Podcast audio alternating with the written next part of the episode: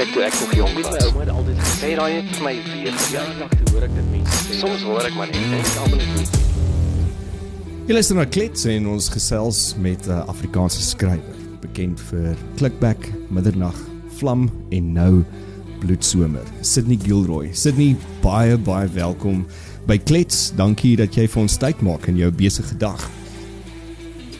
Ek is bly om hier te wees en hallo aan al die luisteraars. Sydney, kom ons begin dalk net eers. Almal vra my toe ek nou sê dat Boekpot gaan uitgaan. Ons gaan oor Boekpot praat, ons gaan oor jou nuwe boek praat, ons gaan bietjie oor jou praat. Maar Sydney Gilroy en 'n Afrikaanse skrywer en wat mooi Afrikaans praat. Hoe kom dit bymekaar uit? Ehm um, ja, ek het op my met my heel eerste boek toe ek 'n groenie was, het ehm um, 'n vrou by die by die eerste ten bekendstelling my met 'n boek amper gegooi daar want sy was onder die indruk gewees het sou 'n Engelse boek gewees het. Um, ek het ek is derde of vierde. Ek is vierde generasie Ierse immigrant. Mhm. Ehm um, en toe my groot groot groot oupa voet aan wal sit hier so in Suid-Afrika, het hy met 'n Afrikaanse nooi getrou. En ehm um, kyk hulle was so rou Iers as wat moontlik kon wees. Maar om te kon oorleef daai tyd in die Kaapkolonie moes hulle Afrikaans leer praat. En ehm um, van daai dag af is is Afrikaans ons huistaal. So ja, die verskriklike Engelse van, maar ek is 100% Afrikaans sprekend. En en die Sydney, hoe dit geskryf word, is ook nie heeltemal die algemene Sydney nie. Dis 'n familienaam. So ek het ek het oupa se name gekry. Hm. Um en dit is maar iets wat hulle gebring het van van Ierland af saam met hulle. Is daai spelling van die naam. Ons spel ook byvoorbeeld um ander name op ander maniere. So as jy nou my naam moes gespel het, hoe sou jy hom gespel het as jy nou Iers was? Ek dink hulle verbreek dit af in die fonetiese sin, so dit sou dalk gewees het mat en dan H E I S, Matthys. Okay. Want ehm um, ja, soos ek sê, dit gaan meer oor die klank wat ja. gevorm word, so Sydney, ehm um, die y die y confuse hulle dalk net. Maybe is dit ja, so okay, ek gaan my naam dalk ja. verander en klink ek bietjie ouliker, maar met 'n van so spotgieter gaan ek gaan ek nie ver ver kom met 'n nee, nee, nee, daai is daai is so Afrikaans as moontlik. Hoekom hoekom skryf? Jy jy kom van eintlik 'n wêreld van ingenieurswese af en jy's nog steeds 'n konsultant met met uh, operations in 'n uh, digitale spasie. En hoe het die skryf gogga jou gebyt? Ek het my hele lewe lank gelees. Um ek dink ek was 12 of 13 toe ek al die Gonzalez boeke alreeds klaar gelees het. So lees was maar nog altyd deel gewees van van my lewe. Ehm um, dis dis my ons groot gemaak is daai tyd almal in die huis jy moes 'n biblioteekkaart ge gehad het. Ek is in die, ek het in die Oos-Vrystaat opgegroei en die bib was letterlik 3 blokke van ons huis af en ehm um, daai gogga het my vroeg al gebyt. Onthou, ek het groot geword in 'n tyd wat daar nie Mnet en daai dinge was nie. Nie in die Vrystaat nie. Ons het eers Mnet gekry ek dink in 1994. Hmm. So voor dit was dit nou maar jy weet SAK en dit en radioverhale en so. En lees was 'n lekker afleiding geweest en 'n lekker stokperdjie. Ek dink daai tyd is kinders dalk groot gemaak om jy weet hulle self besig te hou. En jy kan net so soveel keer rugby of atletiek in die week doen of soveel keer mag jy by jou maatjies gaan kuier en die res van die tyd moet jy jouself vermaak. So lees was dit vir my. En ek het eers toe ek 35 was, my hand gewaag daaraan om self te skryf. Ek was 'n baie baie gemiddelde Afrikaanse student gewees op skool. Ek dink my Afrikaanse onderwysers van destyds klap hulle hande saam in verbasing as hulle my naam op 'n boekrak sien vandag. Ehm um, so goeie hulle lees dan uit nuuskierigheid uit net om te sien wat se foute ek maak maar dit was my stokperdjie gewees. Ek het toe ek 35 was, het ek tipe van 'n midlife crisis uh, deurgegaan hmm. en skryf was vir my 'n manier om skepend te wees. Ehm um, ek ek skilder ook. Ek kan ongelukkig nou nie sing nie, maar ek skilder ook en ek hou van houtwerk en daai tipe dinge en skryf was maar net 'n natuurlike uitvloeisel van vir 'n stokperdjie vir my. Jy het gesê dat 'n bottle whisky, 'n bottle vodka was die rede vir jou eerste skryf skryfstel gewees of skryfwerk.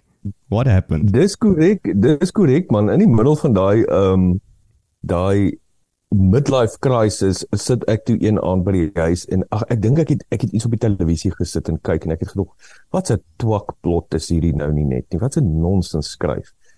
En ehm um, toe lê my werklaptop daar en ek is toe al redelik lekker gekuier myself op op vodka. Ek hou van vodka. Ehm um, en ek dog ag nee hel, ek gaan sommer 'n boek skryf. Ek kan dit beter doen. En dis waar dit toe begin het. Natuurlik ehm um, was daai eerste paar hoofstukke nou nie so verskriklik samehangend geweest nie. Maar 'n paar dae daarna het ek teruggegaan en weer die idee besoek en toe het ek net aangehou want die bietjie wat deur daai deurmekaar spul gedoen was was goed genoeg gewees. 'n Ding wat ek opmerk wat jy al voorheen gesê het en as mens nou jou boeke boeke kyk is die karakters is jy's 'n jy's 'n karakterskrywer. So 'n storie gebeur so half om 'n karakter. Is ek reg as ek dit sê? Ja, die karakter is vir my die kern van die verhaal altyd vir my. Ek weet daar is skrywers wat hulle werk hier die plot uit en die dramatiese dinge wat gaan gebeur en die sentrale tematiek. Ek werk nie so nie, ek skryf agter die karakter aan. Um Onthou ek het nie 'n graad in skryf in kreatiewe skryfkuns of in letterkunde nie. So alles wat ek doen, doen ek op intuïsie. En as ek dink na die boeke wat ek die meeste in my lewe geniet het en die meeste na opsien, is dit boeke wat ek het agter die karakters aangelees. En ek is baie geseënd dat ek 'n wye groep mense al in my lewe geleer ken het, nie net in my persoonlike lewe nie, maar werksgewys ook reg oor die wêreld. Hmm. So ek leer mense ken. En wanneer ek mense leer ken, dan let ek op na hulle mannerismes, ehm um, hoe hulle praat, hoe hulle lyk, like, hoe wat hulle doen met hulle lewe, maar ook verskriklik oor die keuses wat hulle maak. Hmm. En dan hoe hulle daai lot van hulle verder dra of gedraai tot daar in die lewe. Daar's waar my karakters vandaan kom. En as ek iemand vind wat ek dis gewoonlik iemand wat ek saam mee tyd wil spandeer as ek saam met iemand tyd wil spandeer, dan is dit gewoonlik iemand wat ek weet hel, ander mense gaan van hierdie ou of hierdie dame wil lees. En en dis natuurlik seker baie belangrik as jy 'n skrywer is, jy moet van jou karakters hou of jy moet gemaklik wees met hulle. Of nie net ook altyd van hulle hou nie, want partykeer is daar die karakter wat jy skryf wat jy nie van hou nie, maar jy wil hom beter verstaan. Ja, ek kyk ek is nie ek vrek nie oor al my karakters nie maar ek probeer sover as moontlik empatie ten minste by die leser wek oor waarom die karakter doen wat hulle doen of hoekom hulle is soos wat hulle is. Elke moordenaar, elke verkragter, elke geweldenaar was op 'n stadium iemand se ou klein seentjie of klein dogtertjie. Hmm. Iewers tussen daai vormingsjare en die volwasse daad van misdaad het daar iets viesliks fout gegaan en ek gaan soek altyd daai kern in my karakter. So ek vat hulle terug en dan probeer ek kyk waar dinge fout gegaan sodat wanneer daai karakter hierdie vieslike dinge doen of hierdie gewelddadige dinge doen. Ek weet byvoorbeeld in Bloedsomer is haar karakter hy, hy uit my nagmerries gegee omdat hy so reël was aan die een kant en om aan die ander kant ek kon nie glo die goed wat hy doen nie. Hmm. En ek moes dit nog steeds bewerkstellig so dat die leser nie die boek toemaak en wegsit en sê my hel, dit is nou 'n vieslike ding nie. Jy moet soort van die leser se hart probeer wen vir al jou karakters en dit sluit die my foodies en die werfetters in. As jy, as jy nou praat van werfetters, is my een van die mooiste woorde daai. Ek is mal vir hom. Ehm um, maar hoe hoe hoe sê jy dat jy jy hou nie van daai karakter nie, maar jy wil nog steeds hê dat die leser van daai karakter hou of verstaan of hoe moeilik is dit nie vir vir jou in jou kop want jy speel met hierdie hierdie mense. Ek ek moet sê ek dink dit sal moeë fascinating wees om 'n dag in jou kop te bly want uh, ek ek dink daar gebeur verskriklike goeders in jou kop. Ja ek ek is vas oortuig van dat alle skrywers of meeste van hulle totaal en al mal is en ehm um, sou is hoe kundige of 'n psigiater eendag op op 'n skrywer se notas afkom sal dit reguit in die wit bus die malhuis toe wees met hulle. Ehm um, dit is maar iets wat jy moet leer met karakterisering. So as ek sê ek hou nie van 'n karakter nie, hou ek nie van wat hulle doen. Hmm. Ek ek ek het 'n morele kompas self en ek het 'n uh, daar's dinge wat ek nie sal doen in my lewe nie en wat uit die standpoort verkeerd is vir my. Maar ek skryf krimmies. So ek moet dit feitelik hou. Dis nie te sê omdat ek nie van iets hou nie dat dit nie wel daar buitekant gebeur nie. Dit gebeur. Ehm um, so wat ek dan doen is ek maak seker dat ek die onderwerp goed navors en uit daai navorsing eindig miskien net 5% van die feitelikheid in die boek op, maar dit wat in die boek opeindig is so skokkend dat jy jy weet dit dit maak vir jou die misdaad wat gepleeg word werklik want jy het dalk flanse van dit iewers al in 'n koerantberig gelees. Hmm. Maar daar's altyd die misdadiger, daar's altyd die persoon wat dit gepleeg het. So as ek sê ek hou nie van my karakter nie, ek hou nie van die dinge wat hulle doen nie, maar ek het baie tyd en respek vir die karakters wat ek ontwikkel, selfs die slegstes. Deernis. Ek onthou na 'n gesprek wat ek met Mikkie Pistorius gehad het, 'n eh, hele ruk terug rakende haar werk en haar boeke wat sy gesê het is as hy in daai omgewing is waar daai misdadiger die die moord gepleeg het of sy sit voor die misdadiger in die tronksel toe sy die profilering gedoen het moes hy onthou dat sy moet eers lief wees vir die mens nie dit wat hulle gedoen het nie. Jy moet respek hê en deernis hê vir die mens. En dit klink vir my dis hoe jy jou karakters aanpak ook. Ja ek pak my karakters aan eers eers maak ek seker ek wil weet wat wil ek met hierdie karakter doen. Is dit 'n karakter wat ek wil hê die leser moet oorlag of saam mee lag? Is dit 'n karakter wat ek wil hê die leser moet voor jammer wees? Is dit 'n karakter wat ek wil hê die leser moet voor bang wees?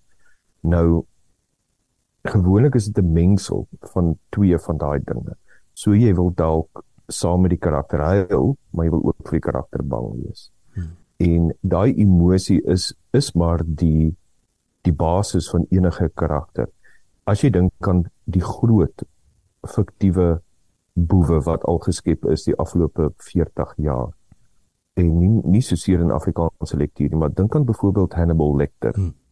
Vreesaanjaende karakter, hy eet ander mense, maar jy kan nie ophou agter die ou aanlees of hom op die skerm kyk nie, want hy doen sulke oulike goed. Hy hou hmm. van klassieke musiek en hy kan kook en ons gaan nou nie sê wat hy kook nie, maar hy kan kook en wyn en hy's 'n hy's 'n genuanceerde, gesofistikeerde renessans man wat sy vriende eet. Daai is die tipe ding wat vir jou 'n volronde karakter gee. Jy kan nie net 'n moordenaar of net 'n verkragter skep nie. Hy moet 'n bietjie van 'n backstory hê. En jy jy doen iets wat vir my baie interessant is nog altyd in jou vorige boeke en jy het lyk like my Solly nou laat gaan. Ehm um, as ons kyk na na bloedsomer is is Solly nie deel van bloedsomer as hy kan verstaan nie. Maar alles gebeur altyd wat jy as 'n wit blanke man in 'n swart karakter se kop en lewe inklim. Hoe moeilik is dit? Dit is ongelooflik moeilik. Dis dis 'n landmynveld vir my en ehm um, ek dink ek was baie dom geweest toe ek dit aangepak het. Ehm um, maar dit het my ook as skrywer en ook as mens my denkwyse verbreed en ook vir my 'n uh, 'n dieper verstaan gegee van ons samelewing. So Solly is 'n samestelling van 5 mense wat werklik bestaan en 3 van hulle is nie wit nie. So hulle is nie soos ek nie. En uh een van hulle is 'n vrou. So ek het hulle beste eienskappe gaan vat en ek het hulle saamgesit en toe het ek hierdie speler geskep. Hy het nie 'n naam gehad nie. Met die met die debuutboek het hy nie 'n naam gehad nie. Hy was ek het net geweet dit is 'n man. En ehm um, aan die einde van die skryf van die manuskrip het ek gaan sit en dink hoe, hoe gaan hierdie ou nou as hy nou as ek vandag gaan 'n polisiestasie moet instap en ek wil en ek is hysteries en ek sê ek wil met 'n speler praat oor my saak wie gaan deur daai deur gestap kom? En die antwoord was so logies vir my, dit gaan 'n 'n jongerige swart speler in sy 30s of in sy laat 30s wees. En dis die feitelikheid van Suid-Afrika, dit is die realiteit. So daar het ek nie eintlik 'n keuse gehad nie. En sy naam is bietjie sinspeling op my eie naam, Solly Sydney. Baie mense spel die twee ook verkeerd. Hulle gebruik 'n 'n y of 'n of 'n ie. Ehm um, so toe ek nou vir ou Solly daar en toe moet ek nou gaan meer leer van hom waar kom hy vandaan hoe praat hy hoekom praat hy so goed Afrikaans? Dit was 'n enorme probleem gewees met met die ontwikkeling van Solly want hoekom praat hierdie karakter so flippend goed Afrikaans? En dan val die skille van jou eie oë en ore bietjie af en jy kom agter hey maar soveel verskriklike mense van kleur praat Afrikaans hm. bly meer as ek wit man so hoekom nie en dit is altyd wat ek vir my redakteur dan sê is hoekom nie hulle moet 'n baie goeie motivering hê oor hoekom kan ek nie iets doen in 'n boek nie. Ehm um, so ja, ek ek, ek druk dit bietjie. So as hulle vir my sê of as 'n uh, 'n uh, 'n leser my 'n boodskap stuur en vir my sê, "O, oh, jene daar's 'n transseksuele persoon in middernag gewees." Hoekom het jy dit gedoen? Dan is my eerste respons altyd, "Hoekom nie?" Hmm. Hmm. Ja. So nou met bloedsomer is die karakter 'n bietjie anderste. Vertel vir ons hoekom het jy dit besluit?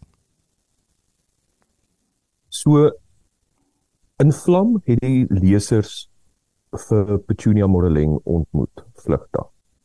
En sy was 'n tipe van 'n stereotypifisering van 'n uh, polisiekaptein of 'n stasiebevelvoerder in 'n klein Vrystaatse dorpie. Sy was lekker misluk, sy was 'n regte ou russiepit gewees en sy het baie baie goed geweet waar het Dawid die wortels begrawe. Of sal ons in hierdie geval sê die munte begrawe. Sy was in daai job gewees vir 'n rede en die rede was die lekker salaris en daai tipe dinge. Maar toe ek nou 'n nuwe reeks skep, toe ek na al my karakters gaan kyk wat ek tot op hierdie stadium geskep het en sy was toe die een gewees wat my die meeste uitgestaan het van almal om te sê hierdie karakter eintlik dink ek Petunia is nie 'n bedorwe klein brokkie nie. Iewers moet sy tog 'n backstory en 'n hart hê en besides that sy het nie op haar mond geval nie. Hmm. So sy is regtig 'n resipit en ek hoop in bloedsomer raak die leser so lief vir haar soos wat ek vir haar lief gehad het. En weer eens dit verbreek my horisonne. So nou nou sit ek met hierdie ek ek ek draai die die spel nou 'n bietjie op sy kop. Ek is nou nie meer die wit skrywer wat nou binne in 'n ander kleurige man se vel probeer klim nie. Ek vat vir Petunia en ek gaan gooi haar smack bang in die middel van die Weskaap in 'n baie klein vakansiedorpie en sy het geen keuse as om daar te wees nie want sy het groot opgeneek in Parys. En dit is seker die beste manier om partykeer om 'n karakter te forceer in 'n rigting dat jy as skrywer daai karakters en mensies kan kan eintlik uitvind en uit uitbou. En kyk, hulle praat ook vir ons en vir ons gemeenskap, né?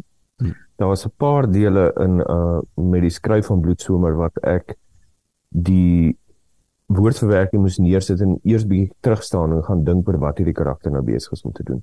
Want sy ons het nie almal dieselfde snoere om die mond nie. Jy sal seker goed nie sê nie oor jou sosiale herkoms of oor jou kultuur of so, maar iemand wat van 'n ander kultuur of van 'n ander herkoms afkom, sal dalk daai juis daai ding sê wat jy nie durf sê nie of nie wil sê nie. Nou ek maak staat op sulke karakters. Hmm.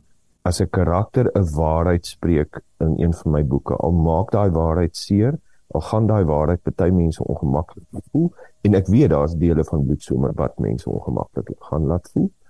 Ehm um, dan is dit vir my reg en dit is vir my goed want dit verbreed vir my nie net die genre nie maar dit verbreed ook vir my, my die ontwikkeling van my eie skryfwerk. So is Solly is Solly nie betrokke in hierdie boek nie. Gaan ons gaan ons niks van Solly sien of hoor nie. Jong, Solly is op hierdie stadium um, besig om om rond te ploeter in sy volgende boek. So nee, hy die mooi baie is heeltemal te ver van Bloemfontein af vir Solly om Petunia te help met hierdie saak. Ja, nee, ek het gedog miskien gaan hy kom vir 'n lang naweek en net net bietjie kom kyk wat vang Petunia aan, maar dan wag ons nou vir die volgende boek um, om te hoor verder van Solly want ek dink dis een van die karakters wat die mense so lief geword het voor in al jou boeke wat jy geskryf het en en ja, so moenie moenie gevrees wees as jy Bloedsomer koop en jy sien nie vir Solly nie. Solly kom weer. Hy doen inderdaad. Sydney, jy's ook die aanbieder van die nuwe program uh Boekpot op Afrikaans.radio en baie dankie. Die eerste episode is uit en en dit was vir my heerlik geweest om daarna te luister. Jy sê in die eerste episode daar gaan 'n klomp goeters gebeur en en jy gaan 'n kom met klomp mense praat. Geef ons net so vinnige idee. Ehm um, vertel vir ons 'n bietjie meer van wat wat kan ons in Boekpot voorverwag in hierdie eerste seisoen? So met Bookboard wil ons dinge bietjie anders doen. Ons wil regtig die brieke van boeke afhaal. Mense is so gewoond aan om 'n skrywer op 'n verhoog by 'n fees te sien of miskien by 'n leeskring of dalk net hulle Facebook persona te ken. So ek vat luisteraars in die skrywers en die mense in die uitgewersbedryf se sitkamers in. En ons gesels lekker nie net oor tegniese dinge nie, maar ook sommer net oor die lewe en kos en allerlei dinge. Um die eerste aflewering was nou Erla Marie Diedriks gewees, hmm. die spanningsverhaal skrywer en uh, sy skryf ook erotiek en romanses en dan in die volgende aflewering gaan Lyle Arendse vir ons kom kuier.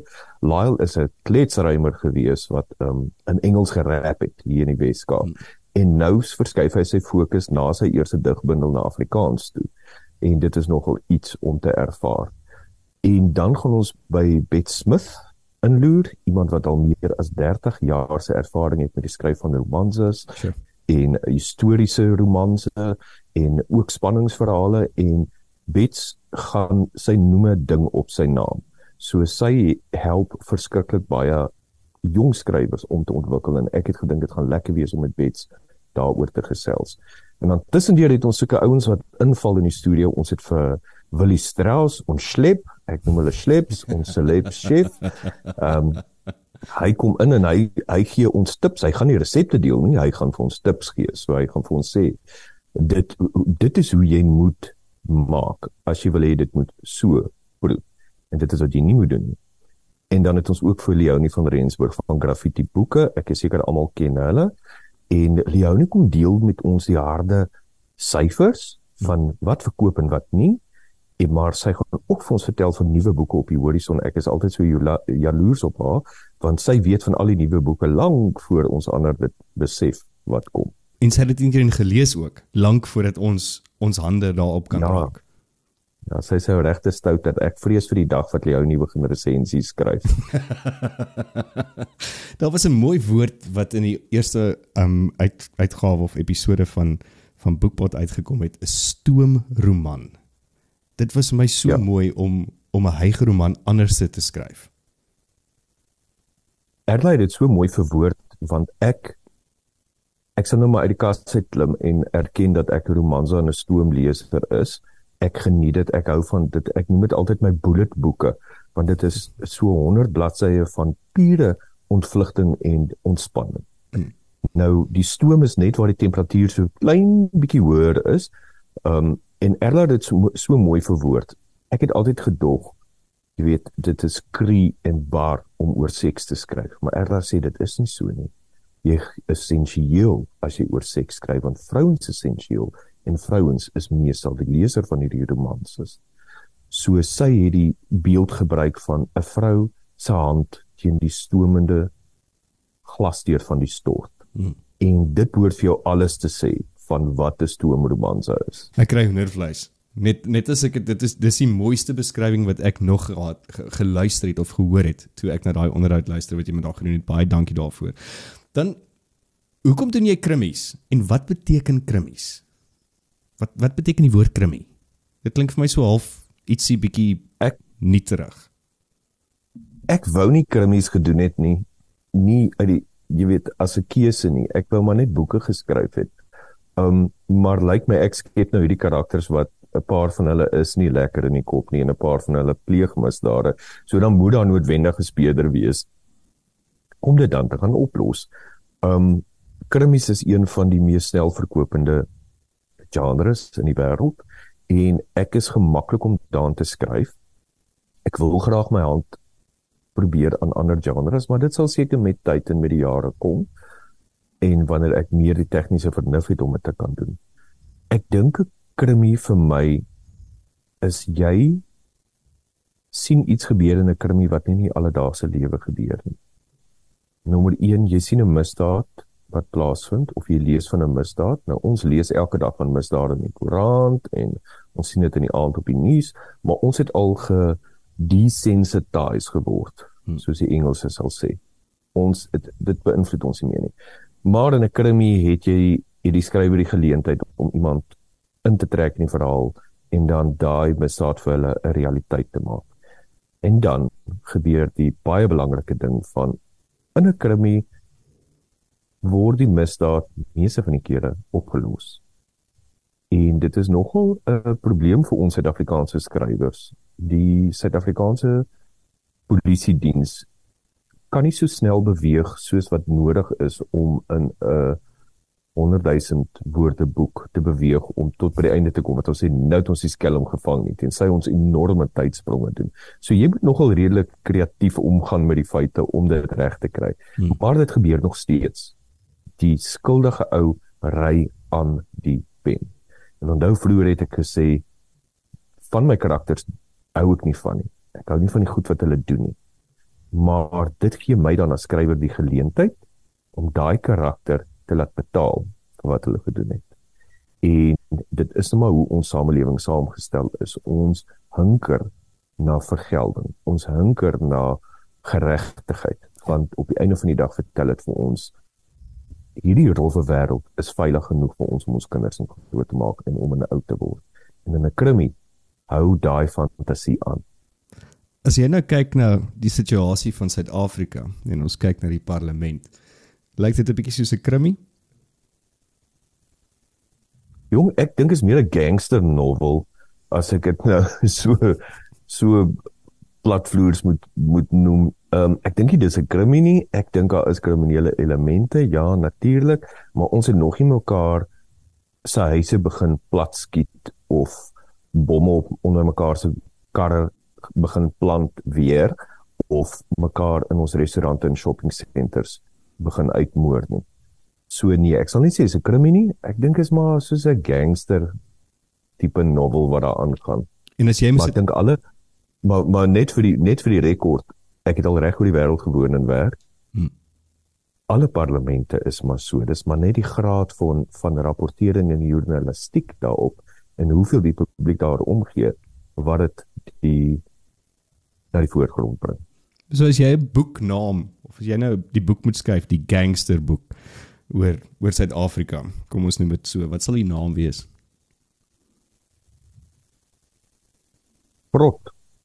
Grot of vrot? Nee nee, vrot, V R O T, vrot. vrot. Hmm. Ek gou van dit. Ek ek ek dink dis 'n dis 'n mooi naam. Ehm um, nie waar kan mense bloedsomer bestel? Want hy kom eers die 8de Maart uit. So waar kan ons dit voor die tyd seker maak dat ek daai kopie kan hê in my hande sodra hy gelons is. Jy kan nou dadelik 'n baie rooi kring gaan trek om die 7de en die 8ste Maart en dan op jou kalender en dan kan jy daai dag na die boekwinkel toe gaan en ek waarborg jou hy gaan daar wees. Miskien dalk 'n paar daggies vroeër. Andersins kan jy die boek vooraf bestel. So jy kan by Graffiti Boeke byvoorbeeld kan jy vooraf bestel Maar jy kan ook soos by The Bookkeeper Shop vooraf bestel. Jy kan by Loot al vooraf bestel en ek dink oor so 'n paar dae kan jy vooraf bestel op Amazon as jy die digitale weergawe verkies. Dis alles as jy nie vir 3 weke kan wag nie. As jy nog kan vashou vir 3 weke, dan gaan jy net na jou boekwinkel toe. En jy gaan reg oor Suid-Afrika toer hierdie jaar met jou boek en op jou sosiale media blaaie maak jy dit bekend waar jy gaan wees. Jy's binnekort hier in Pretoria, so ek sal verseker 'n draai kom maak. Maar is dit reg oor Suid-Afrika die hele jaar deur? Ja, dit is maar so uitgespasieer oor die hele jaar deur omdat die boek nou uh bekend gestel word, sal daar so in sulke kort sarsies van toere wees na soos nou byvoorbeeld die een na Pretoria toe en dan een na die Kaap toe. Daar is ook in Worcester, Wellington, Stellenbosch, maar dan doen ons ook al die feeste hierdie jaar. So KAKNK, ehm um, Woordfees, ek dink daar's 'n paar feeste in die noorde ook en ons hou nog duime vas vir die feeste in Bloemfontein en uh dan ook 'n paar kleiner dorpies, ehm um, Appington, Ceres, sulke plekke waar leeskringe my na toe uitnooi. En dan gaan kuier ek, want ek hou van kuier saam met lesers. Hou van kuier, hou van mense. So as jy bloedsomer wil koop, onthou jy kan na Graffiti toe gaan, ons sal die skakel hier onder sit op die stadium is daar 'n spesiale aanbod. Jy kan die boek koop vir R280. Ehm um, as jy hom voor die tyd wil koop, so dis 'n lekker besparing van R70, maar anderste, soos wat Sydney sê, gaan maak 'n draai die 7de of 8de Maart in 'n goeie boekwinkel naby jou. Sydney, ongelooflik baie dankie vir jou tyd. Ehm um, ons sien verskriklik uit om Bloedsomer te lees, ek byvoorbeeld.